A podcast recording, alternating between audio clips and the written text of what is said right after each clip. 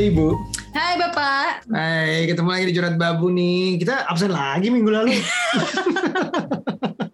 Susah ya, susah ya konsisten itu ya. Iya lumayan sih, Uh, uh. tapi nggak apa-apa nggak apa-apa, biar ditungguin. Nggak apa-apa. Soalnya harusnya nih kita bahasnya minggu lalu karena topik ini rame minggu lalu. Betul, tapi nggak apa-apa di minggu ini aja karena topiknya sebenarnya masih rame lagi. Efek dominonya tuh sampai sekarang menurutku. Dan Pembahasan bisa di grup-grup iya, WhatsApp. dan bisa evergreen. Ya, Jadi maksudnya sih. artinya um, ini keputusan yang apa suatu topik yang bisa diomongin uh, sekarang dan Hmm. mungkin nanti berapa tahun lagi ini masih akan jadi perbincangan. Benar, kita mau ngomongin apa sih, Bab? Ah, kita nggak tahu ya mau ngomongin apa ya. Oh, iya. Mau Oke. ngomongin apa ya? Kita mau ngomongin yang lagi rame di sosial media kebetulan kemarin sekitar semingguan lalu itu adalah tentang being child free. Hmm. Kontroversi dong jelas.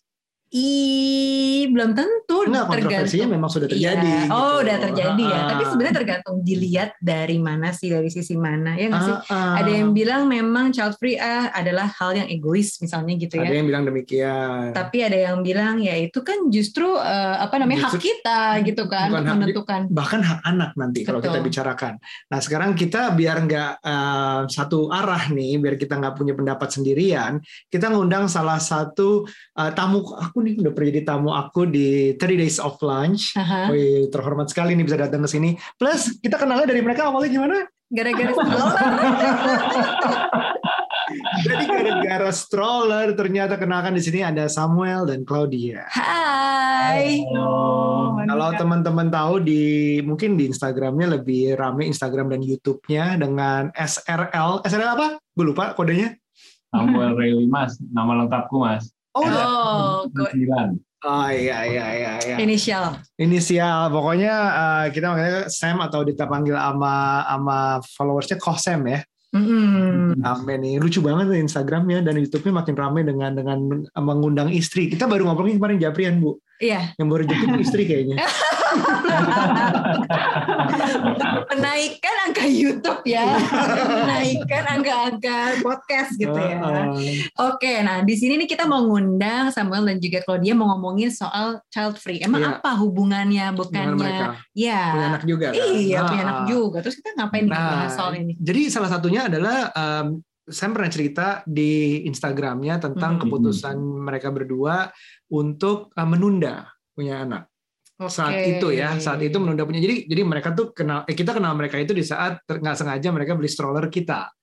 Di saat itu karena itu udah makin gede nggak kepake Iya. ya udah ternyata ada yang membutuhkan saat itu. Pas banget Mhm. gitu. Nah tapi di jadi follow followan di Instagram juga salah satunya cerita tentang child apa ya menunda punya anak itu. Bukan child free sih sebenarnya tapi menunda jadi cerita dong sedikit tentang keputusan menunda itu sedangkan kita nih Justru kebalikannya kita sebaliknya ya kan teman-teman di sini mungkin yang udah Ah. pernah dengerin podcast kita juga udah tahu kita tuh mungkin tiga tahunan ya untuk, Untuk eh, berusaha. berusaha Ah, ah. hamil punya anak terus udah ke mana-mana ya Mm-mm. akhirnya dapat di tahun ketiga Ya. gitu nah terus kalau Sam sendiri sama Claudia gimana ceritanya sampai menunda nih gimana dan kenapa sih di menunda Oke, eh, nanti kalau tambahin ya pastinya ya.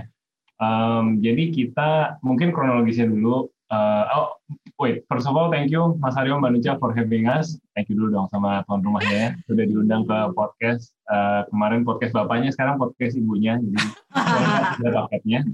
Em, Oke, kita Samuel dan Claudia, kita pasangan kantoran, eh, main YouTube dan main Instagram juga, dan dia suka sharing-sharing seputar keluarga. Eh, kenapa kita udah punya anak? Jadi kronologisnya kita nikah, menurut kita cukup muda ya. Kita nikah di usia 25, eh, nggak lama setelah kerja. Terus kebetulan posisinya tuh kita eh, saat kita nikah, kita ya diberkati lah dengan orang tua yang pengertian gitu, di mana di awal tuh kita masih tinggal di rumah orang tua kita. Um, kenapa kita milih untuk tinggal di rumah orang tua?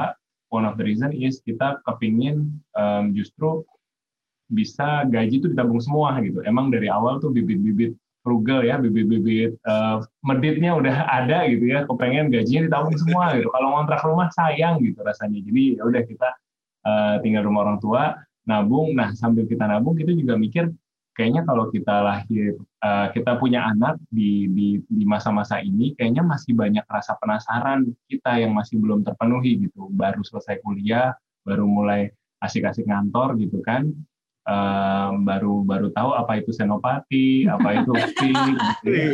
Si senopati sih. Terus Mas Aryo nanya, emang ada apa di Senopati? um, apa ya itu jadi akhirnya kita nunda dan singkat cerita usia kita punya Hana tuh usia 30 30 ya. Hmm. Jadi lima tahun ya? Udah sekitar lima tahun. Lima tahun menikah. Kayak gitu. Nah, kalau mau nambahin nggak? Uh, iya, jadi mau nambahin sedikit, memang kita uh, backgroundnya finansialnya bisa dibilang uh, eh, dari nol banget lah ya. Maksudnya kita membangun semuanya sendiri gitu. Dan jadi um, ada concern juga kalau punya anak, takutnya kita um, jadi kerjanya juga jadi nggak bisa fokus gitu. Terus juga nanti anaknya juga um, apa ya kita tahu lah racing kids kan nggak gampang ya gitu. Pasti stressful jadi kayaknya nggak nggak nggak perlu lah kita tambah unnecessary stress dengan masalah uang ini gitu. At least kalau misalkan mungkin ada masalah uang yang selesai kan jadi one last thing to worry about gitu nanti pas kita punya baby gitu. Terus ya banyak juga sih overthinking reasonnya saya pribadi ya. Saya mikir uh, will we ever be good enough to be a parent? Terus juga ada juga philosophical question yang apa menanyakan ini kan banyak ya orphan kids kasihan gitu. Kenapa ya kita nggak adop aja? Kalau emang kita udah siap punya anak pun gitu. Kenapa kita harus punya anak biologi sendiri? gitu. Terus eh, yang ngobrol-ngobrol kayak gitu sih um, Sam juga uh, ngelihat gitu. Maksudnya yang nggak mesti punya anak biologis gitu ya akhirnya. Um, ya anyway pas uh, waktu baru mikir itu anyway pokoknya kita memutuskan uh, nanti dulu deh pokoknya kita mau fokus karir dulu. Sampai udah yakin banget mau punya baby udah kita baru coba punya gitu. Nah juga sebenarnya ini juga ada satu hal lagi yang saya concern. Sebenarnya tuh saya punya masalah uh, hormon gitu. Kan kalau uh, perempuan tuh biasanya dalam satu tahun bisa 12 kali kan 11 kali period gitu menstruasi. Nah itu saya tuh jarang banget saya bisa cuma 5 sampai enam kali doang dalam setahun. Nah jadi uh, pas uh, waktu gadis sempat ke dokter, ke objin, cek gitu dokternya bilang sih nggak ada masalah ya, masa nggak ada miom dan lain-lain kista gitu. Tapi memang ada masalah hormon yang mana mungkin nanti kalau udah menikah dan mau punya anak mungkin akan susah dan mungkin harus hormonal treatment gitu. Nah itu saya sampaikan sama Sam dari awal pernikahan. Maksudnya ya kan anak rezeki ya maksudnya kadang-kadang kan ada orang yang emang pengen banget pengen banget tapi kalau Tuhan belum kasih kita mau ngomong apa gitu. Jadi saya bilang sama Sam dari awal ini saya pernah loh ada masalah kayak gini. Jadi kalau misalkan nanti satu hari pun kita mau mencoba dan um, saya nggak bisa punya anak, uh, ya mudah-mudahan ini nggak menjadi masalah gitu di kemudian hari karena ya udah tahu gitu dari awal ya gitu. Tolong jangan mengharapkan hal-hal yang memang bukan dalam kehendak kita tapi udah di kehendak Tuhan gitu. Jadi banyak hal sih tadi ada, ada finansial juga, ada banyak overthinking juga sama ada keraguan-raguan dalam kemampuan fisik sendiri gitu. Yeah. Oh gitu, ya ya ya ya ya. Terus tapi kemudian di dalam proses lima tahun ini uh, terakhir gitu ya, itu kan menikmati gitu untuk hidup berdua gitu ya. Terus mungkin sambil nabung dan lain-lain. Uh, pernah nggak sih kepikir bahwa uh, kayaknya kayaknya ini kita akan selamanya deh misalnya memutuskan untuk nggak sama sekali deh punya anak gitu bener-bener child free itu tadi. Atau justru hmm, kayaknya gue mau menarik kata-kata gue child free ini deh. Misalnya gue ternyata kayaknya gue siap di dalam beberapa tahun lagi. Nih hmm. kayaknya kita udah cukup settle nih secara financial misalnya gitu. Atau iya atau emang ada targetnya? Mau berapa lama ya, atau sampai financial freedom segimana atau um, eh tiba-tiba jalanin aja oh ya udah deh yuk sekarang gitu. Gimana sih dulu? Sebenarnya kalau ditanya ada nggak uh, hard stopnya kita tuh apa ya on off gitu ya membahas ini ya sepanjang lima tahun nunda itu uh, nggak benar-benar kita bilang eh kita harus udah punya ini dulu atau kita harus ngapain-ngapain dulu baru hmm. kita mau punya anak atau kita usia tertentu gitu kita sebut gitu. Sebenarnya enggak ya enggak secara khusus. Cuman emang kita baca-baca, dengar-dengar kan, uh, ngobrol-ngobrol kan kiri. Akhirnya yang yang yang muncul ke permukaan sebagai uh, dalam tanda kutip guideline adalah umur biologis katanya. Kalau kalau yeah. perempuan, uh, ya perempuan dan laki-laki lah. Kalau laki-laki kan katanya ada ya kualitas sel selnya gitu ya. Terus uh, perempuan juga um, menjadi bahaya kalau melalui usia tertentu melahirkan bukan buat, buat ibunya. Gitu. Jadi itu sih yang akhirnya kita jadikan guideline biologis. Um, ya. Finansial juga ya. Finansial juga ya. Akhirnya kita tunggu pokoknya ya, itu sudah punya rumah dulu lah gitu, udah punya rumah, oh. udah ada certain tabungan gitu maksudnya kan biasa kalau habis bangun rumah kan nol banget tuh ya maksudnya habis dari itu ada certain tabungan ya mungkin kita consider boleh consider lagi gitu. Hmm, tapi kepikirannya dari awal tuh memang um, someday some sometime akan punya anak ya maksudnya tidak ada keputusan hmm. pasti itu child free atau uh, pasti itu punya anak gitu. Ada nggak? Atau atau something changes along the line gitu? Tapi ada momen kita pengen jadi selfish ya maksudnya child free aja gitu. Hmm, jalan-jalan ada, aja ada, ada sih. momen-momen kayak gitu jujur ada ya. Apalagi lagi kayak um, ya umur kan nikah 25 nih gitu terus 27 28 udah mulai berasa kita lifestyle-nya udah terbiasa lah gitu hmm. dengan lifestyle yang adult gitu ya yang kita bisa nongkrong. Udah nikah kan nggak ada gangguan gitu kan mau pulang jam berapa mau nongkrong di mana kan bebas gitu. Jadi pas lagi nongkrong-nongkrong gitu ya asik juga ya gitu melihat melihat teman-teman kita mungkin yang seumuran udah udah gendong anak gitu pernah sih bahasa kayak gitu ya kan ya sekarang kita yang kayak gitu sekarang kita yang kayak gitu kita dilihatin orang-orang ya teman-teman yang masih child free terus kita udah ada anak ya sekarang kita yang kayak gitu ya, gitu ya. ya, ya, ya. kemarin tuh rame beberapa influencer kan ngobrolin tentang uh, keputusannya untuk benar-benar menyatakan child free bahkan yeah. menyatakannya di sosial media gitu mm-hmm. baik uh, mereka berdua yang gue lihat tuh completely um, yakin benar-benar yakin bahwa akan child free memang sudah menjadi pilihannya. Beberapa alasan child free itu macam-macam sih berbeda-beda orang. Salah satunya yang disebut tadi yaitu finansial mungkin uh, apakah gue akan sanggup karena kan yang namanya child free itu kan finansialnya bukan cuma ngomongin melawan inflasi lagi yeah. tapi pendapatan tiba-tiba eh, pengeluaran yang tiba-tiba berkali-kali lipat gitu Betul. anaknya satu terus anaknya dua terus otomatis kebutuhan lain sekolahnya kebutuhan rumah lebih besar segala hmm. macam nah itu pasti akan akan tumbuh juga dan itu nggak sejajar sama inflasi udah udah pasti kan bukan cuma bisa ditangani dengan investasi di sini ah udah pasti berapa persen nggak bisa eh tapi aku jujur ya, jadi untuk konsep child free ini sendiri sebenarnya tuh aku baru tahu sekarang-sekarang ini loh. Oh ternyata kita boleh ya punya keputusan untuk nggak punya anak sama sekali gitu. Karena dulu di bayanganku uh, mungkin karena kita udah lebih tua daripada Sam sama Claudia ya. Nanti aku punya cerita, aku punya cerita sendiri kalau itu oh, aku iya, ada iya, pendapat iya. lain. Nah itu tuh dulu di bayangan aku oh waktu aku masih muda 20-an gitu ya. Oh kalau yang namanya nikah ya udah punya anak pasti gitu. Kalau yang bikin nggak punya anak ya mungkin ada salah satu yang uh, apa infertile misalnya hmm. gitu aku pikir cuman gitu doang tapi ternyata 10 tahun kemudian aku dengar konsep ini. Oh ada ya kayak gini. Ya aku hmm. pikir ini konsep yang ada mungkin di luar tapi bukan di orang Indonesia bukan orang timur gitu loh di hmm. bayanganku. Dan begitu sekarang ada kayak gini oh ada orang yang tidak menginginkan anak gitu ya. Jadi ya mungkin perbedaan zaman juga kali ya karena aku udah agak lebih tua gitu kan. Aku udah soalnya. Jadi jadi kalau cerita uh, gue 2009 tahun 90 9, 99 sampai 2001 itu sempat tinggal sama uh, house parents waktu itu di di Australia. Dan mereka adalah pasangan de facto de facto tuh artinya menikah tanpa ini untuk teman-teman yang dengar menikah tanpa bukan menikah tinggal bareng kumpul kebo lah ya Ya, kumpul kan kebo kalau Indonesia Kalau di luar gitu. seperti itu ya. Nah, jadi bagi mereka ah menikah kan cuma surat. Kita hmm. membuktikan satu sama lain aja kita cinta dan mau hidup bersamanya sampai kapan gitu. Ya. Itu satu uh, dan juga keputusannya adalah tidak punya anak. Tidak punya anak adalah um, mereka salah satunya ya urusannya adalah pengen hidup buat berdua. Mm-hmm. Um, entah sebenarnya alasan lainnya apa, tapi yang mereka bicarakan saat itu adalah itu. Tapi mereka sampai sekarang, fast forward berapa tuh, 20 tahun lebih, masih bersama. Masih tanpa anak. Mm-hmm. Masih sepertinya ya setidaknya masih tinggal bersama. Nggak bisa dibilang cerai juga karena nggak pernah nikah gitu. Mm-hmm. Jadi ya tetap mm-hmm. tinggal bareng. So, uh, yang meng, yang yang yang kadang bikin gue um, sedih adalah yang menganggap anak akan menjamin kebahagiaan hubungan Ya. Hmm. Harusnya nggak ada hubungan, eh, bukan nggak ada hubungannya ya. Hmm. Harusnya jangan bergantung ke situ gitu.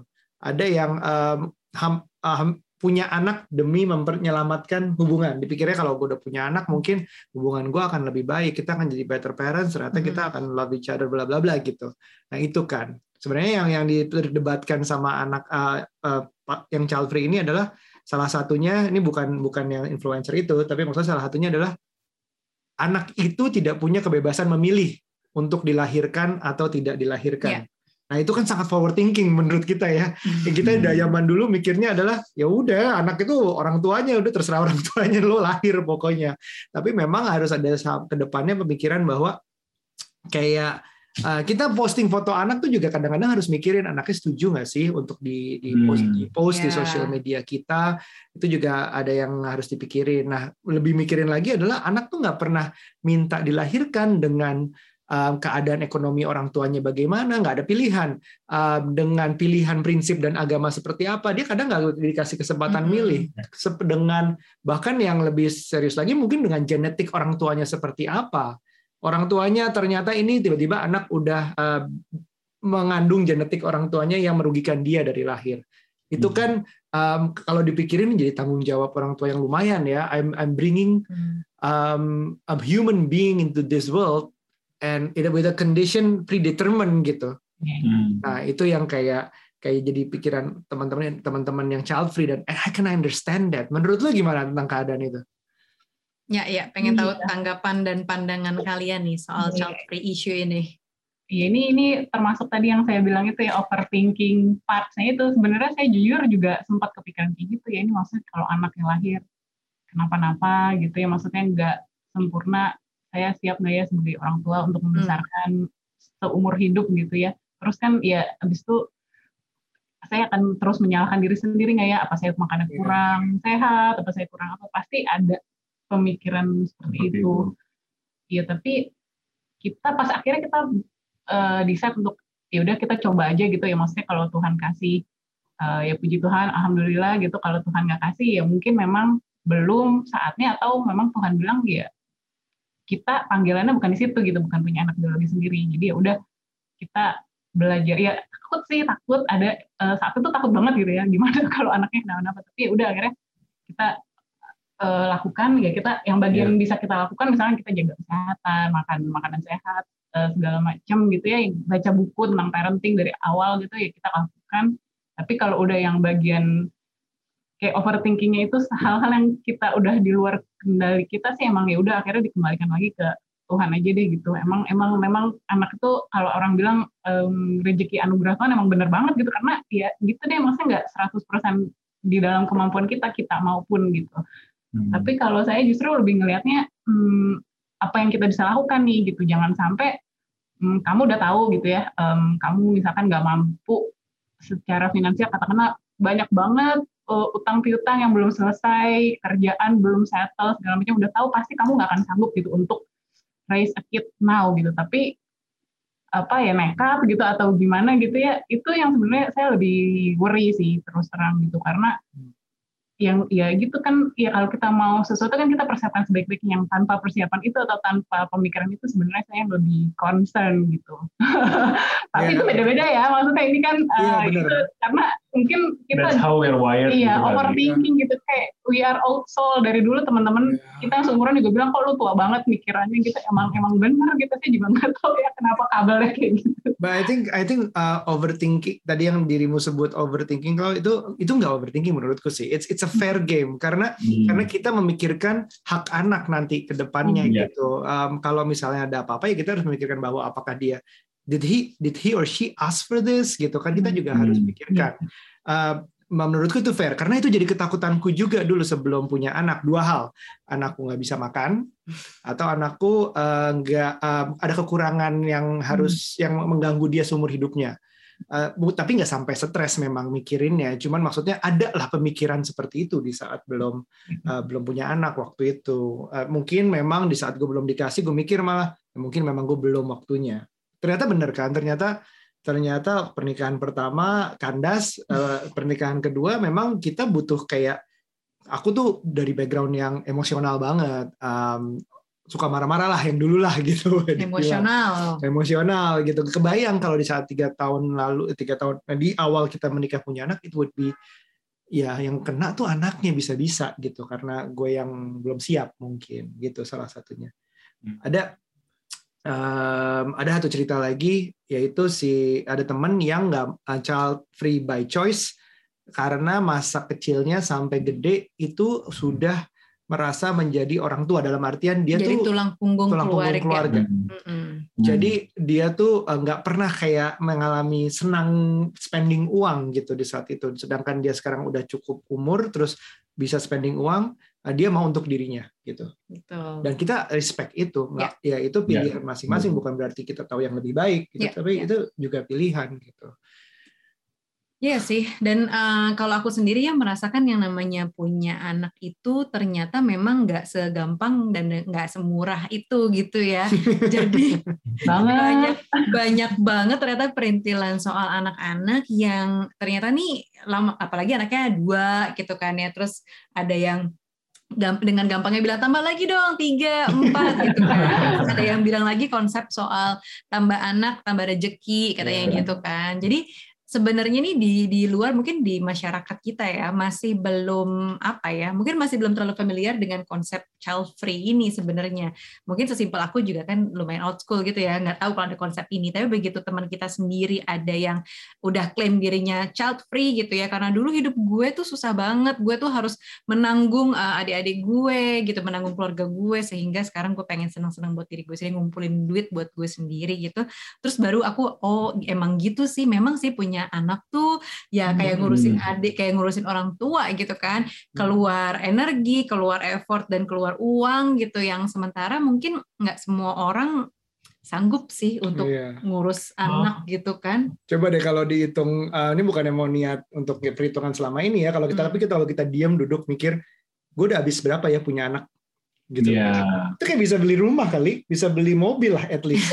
Dengan hidup setahunnya tuh bisa wow banget dengan pengeluaran yang nggak nggak disangka gitu. Ya, ya, ya, ya. Dan dulu aku inget deh ada temanku yang pengen banget punya anak dan memang sama kayak kita juga, bab. Dia dia cukup waktu lah, kalau nggak salah tiga tahunan juga sampai akhirnya punya anak. Dia tuh bilang, aduh suami gue tuh pengen banget punya anak, tapi sebenarnya gue santai aja nih gitu. Gue santai kalau emang dikasih ya udah ayo, kalau enggak ya nggak apa-apa gitu. Sementara si suaminya nih katanya pengen banget sampai dia bilang suami gue tuh suka banget sama anak kecil. Nah di situ tuh sebenarnya konsep gue suka banget sama anak kecil ternyata Punya anak beda. Menurutku beda gitu ya. Suka Hmm, anak kecil nggak sama dengan lo bisa ngurus anak gitu loh. Iya. Karena at the end kadang-kadang pilihan misalnya kerja aja kayak sekarang nih WFH, emangnya orang ini bisa nih nemenin anaknya juga di rumah yang katanya tadinya suka sama anak kecil belum Iya, tentu kalau kan dikasih dia 24 hands-on. jam juga capek. capek kan belum tentu lo bisa hands on gitu jadi suka aja sih sebenarnya ya udah lo kayak main sama ponakan juga bisa main sama anak tetangga juga Ah. bisa gitu kan nggak harus punya anak sendiri Betul. gitu untuk lo apa namanya suka gitu kan jadi konsep-konsep soal eh, apa namanya child free terus suka sama anak kecil terus bisa bener-bener hands on dengan anak itu sebenarnya konsep yang berbeda-beda gitu nggak sih Ya kan? Pendapat lo tentang um, child free ini gimana? Uh, um, tentang orang lain being child free? Iya, soalnya aku sempat ngeliat tuh uh, Samuel sempat posting soal child free ini kan di Instagram Story. Nah, itu tanggapan netizennya juga gimana sih? Iya, em, gua rasa kalau nah netizen tuh another thing ya. Menurut Iya. gua it it really comes down to how we we play with our language, bahasa kita gimana cara kita nyampein gitu. Nah, gua kan juga kebetulan observe lah gitu eh, topik diskusi ini. Em, terus gua notice beberapa kalimat-kalimat yang buat gua tuh hmm, ya nggak heran orang jadi apa ya kesulut gitu ketika membaca ini gitu. Jadi ada yang bilang salah satu dari mereka bilang gue yakin kalau apa eh, ibu-ibu yang marah karena gue child free itu karena dia lagi lagi capek ngurus anak terus dia iri sama kehidupan gue gitu jadi maksud gue di kalau dibawa ke situ siapa yang nggak kesulut gitu kalau menurut gue jadi um, when when it comes to apa ya netizen I think it's a it's a different it's a different ya. issue yang yang menurut gue this uh, can can play out nicer ya kalau sebenarnya yang dikedepankan tuh choice-nya gitu. Tadi kan Mas Aryo ada bilang soal anak nggak bisa milih untuk dilahirkan, tapi sebenarnya kita sebagai orang tua kan kita bisa milih Uh, to some extent ya, to some extent, to some degree we can quote unquote choose gitu ya, uh, or prepare uh, when we want to have uh, children gitu. Memang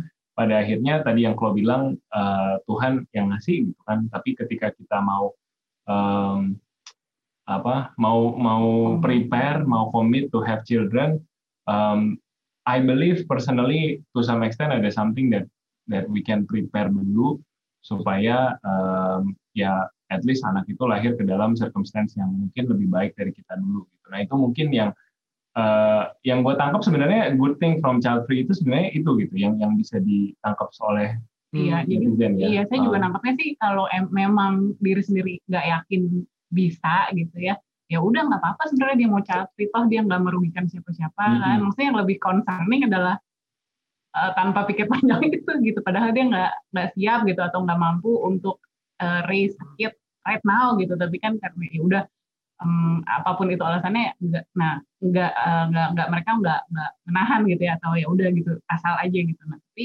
justru orang-orang yang berani ngomong mereka mau child free eh, saya sih justru respect ya gitu pasti ini kan eh, keputusan ini mereka udah pikir panjang-panjang gitu kan karena kan ya itu dia kan punya anak ada eh, biolo- biological age gitu kan Iya, anti age mereka kalau udah mau pun bakalan susah banget gitu sebenarnya kalau mau punya anak biologis ya. Hmm. Susah. jadi seben Mm, jadi sebenarnya kalau saya sih saya nggak nggak nggak nggak kaget gitu ya kalau tadi kan mungkin manusia kaget gitu. Kalau saya sih bisa ngerti banget perspektif orang-orang ini yang nggak mau punya anak itu for whatever reason gitu. Karena saya juga pernah dengar ya itu ada yang tadi ya masa kecilnya dia terlalu udah pernah jadi parenting adik-adiknya jadi sekarang dia pengen menikmati hidup. Ada juga yang memang ya udah mereka nggak pengen tight down atau nggak pengen komit ke anak gitu pengennya udah jalan-jalan aja travel travel aja gitu happy aja. Kan juga ada ya for whatever reason gitu sebenarnya sih kita saya pribadi gitu saya sih justru respect sama orang-orang yang memang bisa mengambil keputusan memang kalau mau child free gitu ya dengan whatever reason Iya. that they have gitu. Tapi at the end of the day ya itu cara tadi mungkin mungkin ya. cara ngomong, penyampaian, terus Betul juga apa kon, apa ya atmosfer yang dibawa lah dengan language-nya gitu. Because um, ya people can really twist us gitu kan di Iya, betul. internet gitu kan. Apalagi kalau cuma tulisan gitu ya yang yang nggak ada mukanya, wajahnya lagi seperti apa pas ngomong, terus Tone-nya intonasinya gimana. kayak gimana gitu. Orang bisa twist jadi kayak ini lagi marah ini orang ya atau lagi julid lagi jaji nih, lagi julid. gitu. Yang So, berat memang di sosmed kalau kita stereotyping orang sih, mengeneralisasi semua orang tuh pasti sama begini itu. Ya, semua hmm. orang tuh beda. Makanya keputusan child free dan keputusan punya anak berapa ya itu very personal, very different untuk setiap orang. Kalau go stir up with something um, alasan dulu banget nih mono, um, pernikahan dan punya anak kalau kita balik ke zaman kolonialisme segala macam itu adalah untuk penyebaran kekuasaan dan agama back then Hun- years hundred hundred of years ago Hmm. Hmm. Um, nah, itu kan ya biar kekuasaan lebih besar, orangnya harus lebih banyak segala macam. Cara satunya, salah satunya adalah menikah dan punya anak. Menikah dengan berapa istri lah zaman dulu, segala macam. Anaknya nggak terbatas, pokoknya sebanyak mungkin. Gitu. Nah, kalau kita fast forward ke sekarang, eh, boleh tahu nggak alasan akhirnya punya anak? Kenapa kita, kenapa Cloud dan sorry, Cloud dan Sam punya anak? Hmm. ini kan itu dia ya maksudnya kita kan list down keraguan-raguan kenapa mau apa Ah, ah, ah. keraguan kenapa mau punya anak di awal gitu atau Ada ada tick boxnya ya. Iya, tadi Iya, kan yang iya. pertama yang finansial, terus kita oh ternyata finansial udah lumayan stabil gitu, least kita udah ada rumah baru, udah ada pekerjaan tetap yang stabil, jadi udah oke tuh cek gitu kan.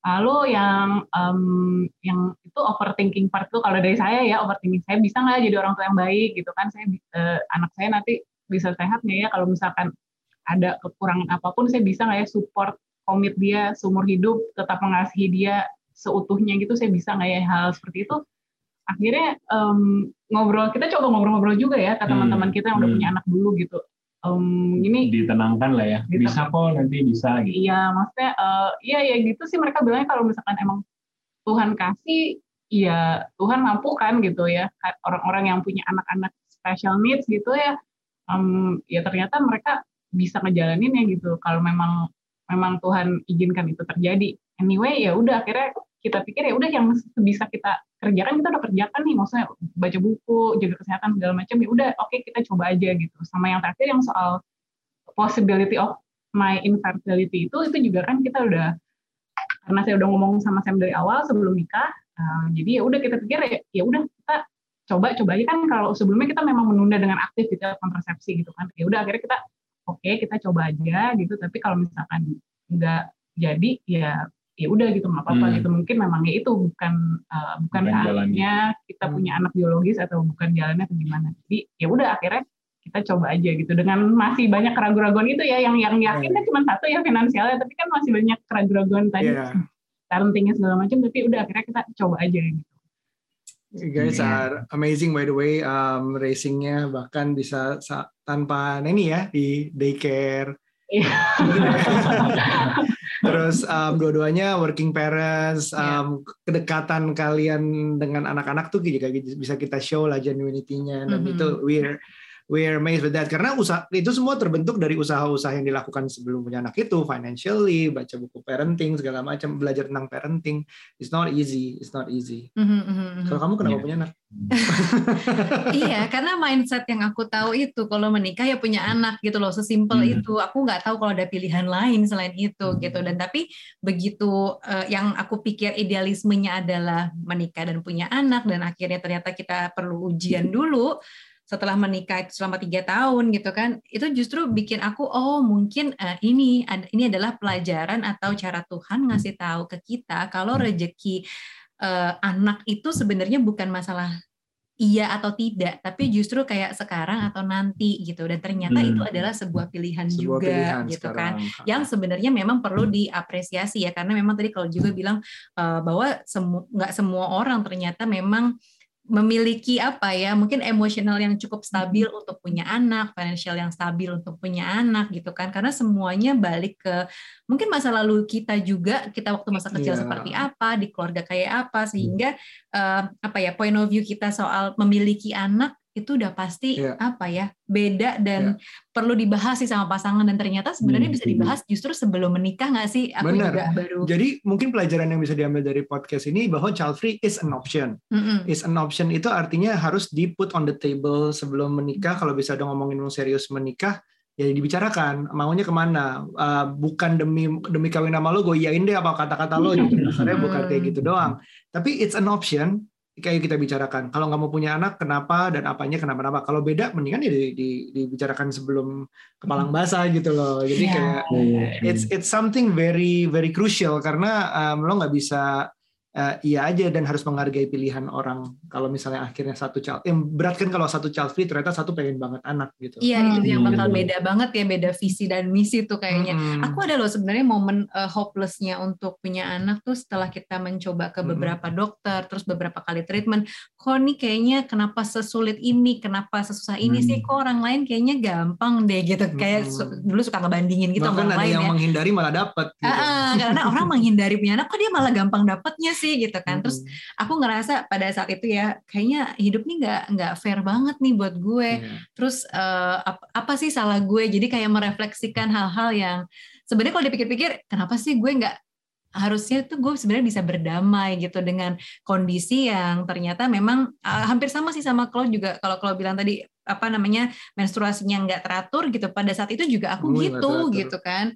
Terus ngelihat tracknya Aryo sebelum sama aku nikah juga nggak punya anak itu kan jadi kayak aku bertanya-tanya kenapa Hmm. ya dia? Terus ada yang salah dengan dia ada yang salah sama aku. Jadi wah nih kenapa sih Hmm. gitu? Jadi aku berusaha justru pada saat dapat eh, anak hamil itu justru pada momen aku berdamai dengan ya udah deh yang Iya. penting gue udah usaha nih Eh. kalau emang nggak dapat ya mungkin betul mungkin ini cara jalannya gitu kita tuh udah bicarain di saat um, ini aku ada begini loh kamu ada eh, kamu belum Mhm. kamu ada ekspektasi untuk punya anak segala macam aku udah begini loh kita udah siap ya kalau misalnya kita harus ngadopsi atau kita nggak punya anak sama sekali walaupun udah ngomong iya deh kita coba siap gitu segala. Hmm. tapi begitu setiap Hmm. bulan nggak dapet di kita juga Sedih ya. berat tetap Iya. aja karena pengharapan itu manusiawi lah Iya. pengen ada Iya, sesuatu so what have you learned dengan dengan punya anak ini um, ternyata kalau misalnya menurut kita adalah pembelajaran yang yang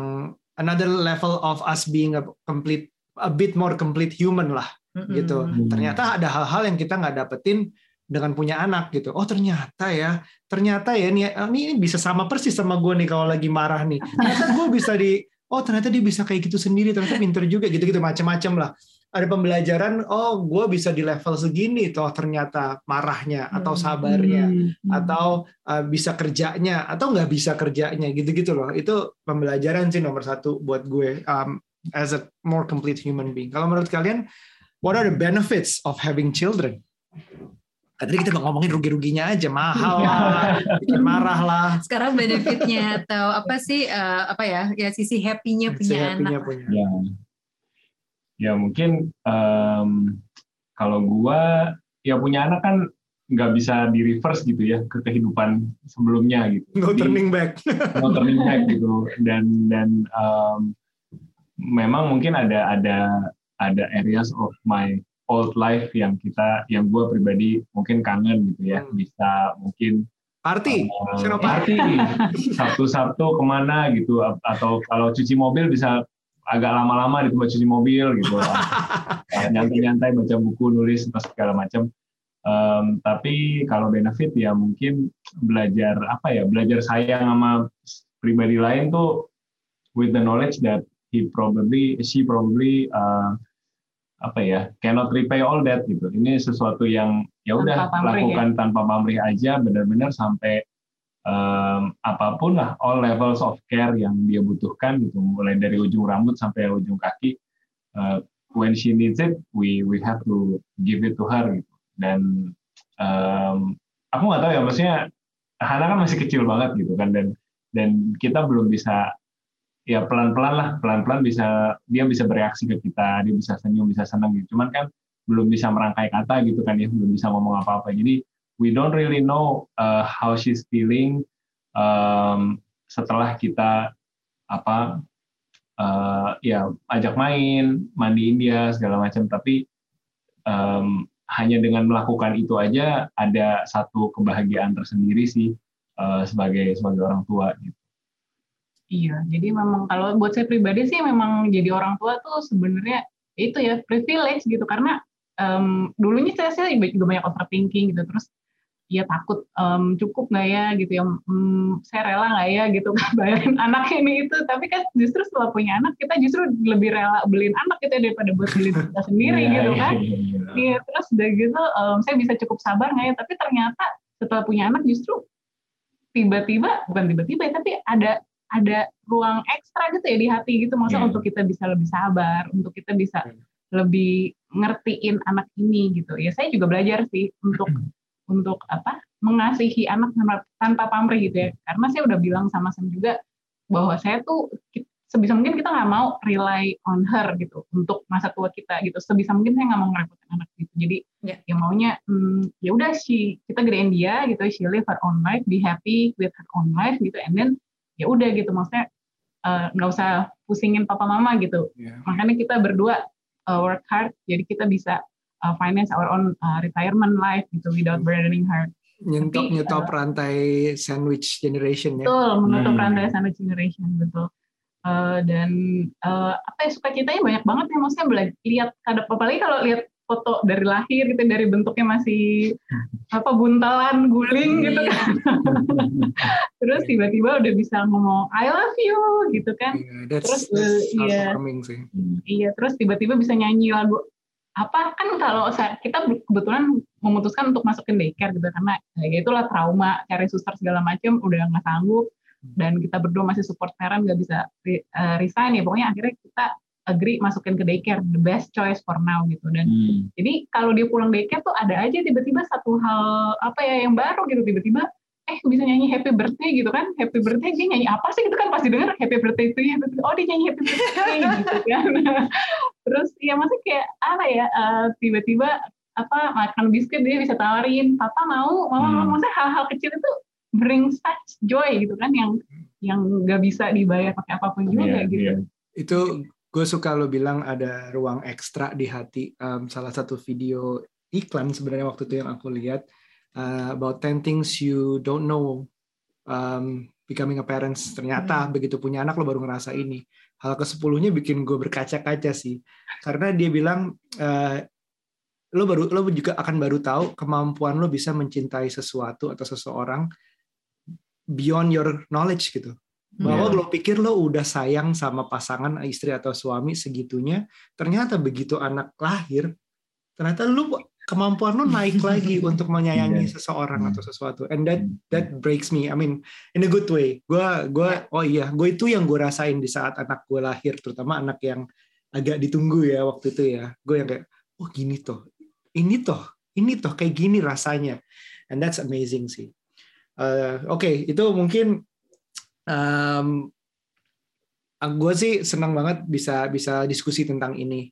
karena gue ngelihatnya berharap uh, teman-teman yang dengar uh, menghargai bahwa child free is an option. Ya, sama hmm. halnya dengan punya anak satu saja, punya anak dua, dua saja, ha -ha. atau tiga saja, atau memang pengen punya lima. Karena biasanya di luar kita orang tuanya pertanyaan-pertanyaan, kenapa sih anaknya cuma satu aja kan masih muda, tambah hmm. lagi dong.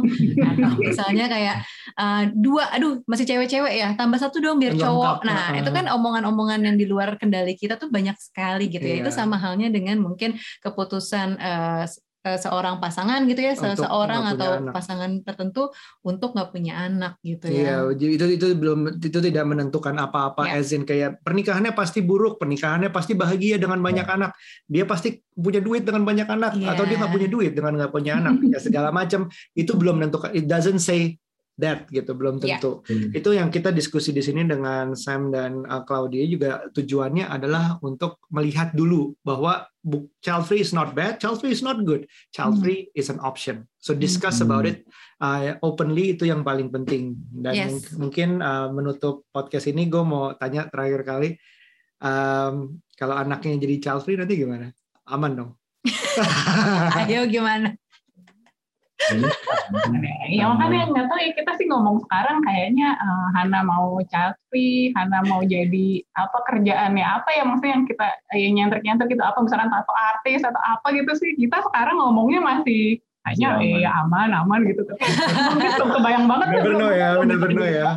Mungkin ya, ya, ya. cerita ya ada satu sepupu ya pernah kita ketemu um, tinggal di luar negeri terus dia datang ke Indonesia sama sama orang tuanya gitu. Terus kita ngelihat mereka tuh bahasa Indonesia bisa clubbing bareng, bapak sama anak, Keren. bisa minum bareng, terus bapaknya tuh yang udah mungkin 50, 60, 60 something, bajunya tuh masih yang eksentrik gitu, dia pakai Hawaii, Hawaii shirt, Hawaii shirt apa bunga-bunga gitu, terus ya ya udah just being in the moment, enjoying life gitu, mungkin mungkin kayak gitu ya kali ya. Pengennya ya, pengennya, ya. pengennya kayak gitu. For life, for us, probably.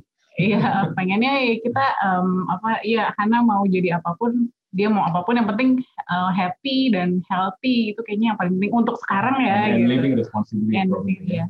At least at least mau terbuka dulu sama kita gitu ya. Iya. Yeah. Musikan Iya. Kamu mau jadi apa? Ya udah, at least bilang daripada nggak bilang tiba-tiba jadi gitu.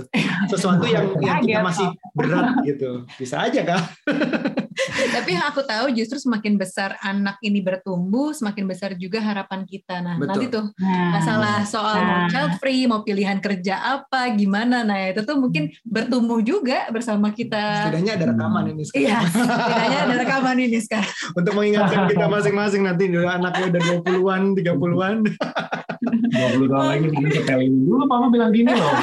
iya, rekaman-rekaman ini jadi jejak kita loh, jejak digital. Oke, okay, Sam okay. Cloud, thank you so much for your time. Um, thank you so much for having us. We're, we're so happy. Mudah-mudahan kita bisa ketemu nanti di saat uh, semua sudah lebih clear keadaan di luar sana, nggak yeah. nggak rekaman online lagi, bahkan ketemu ngopi-ngopi. I would love that. Yeah. Oke, okay. Thank you so much ya. Thank you Sampai for ketemu. having us. Stay healthy. Stay hi to Hana. Bye-bye. Bye. Bye.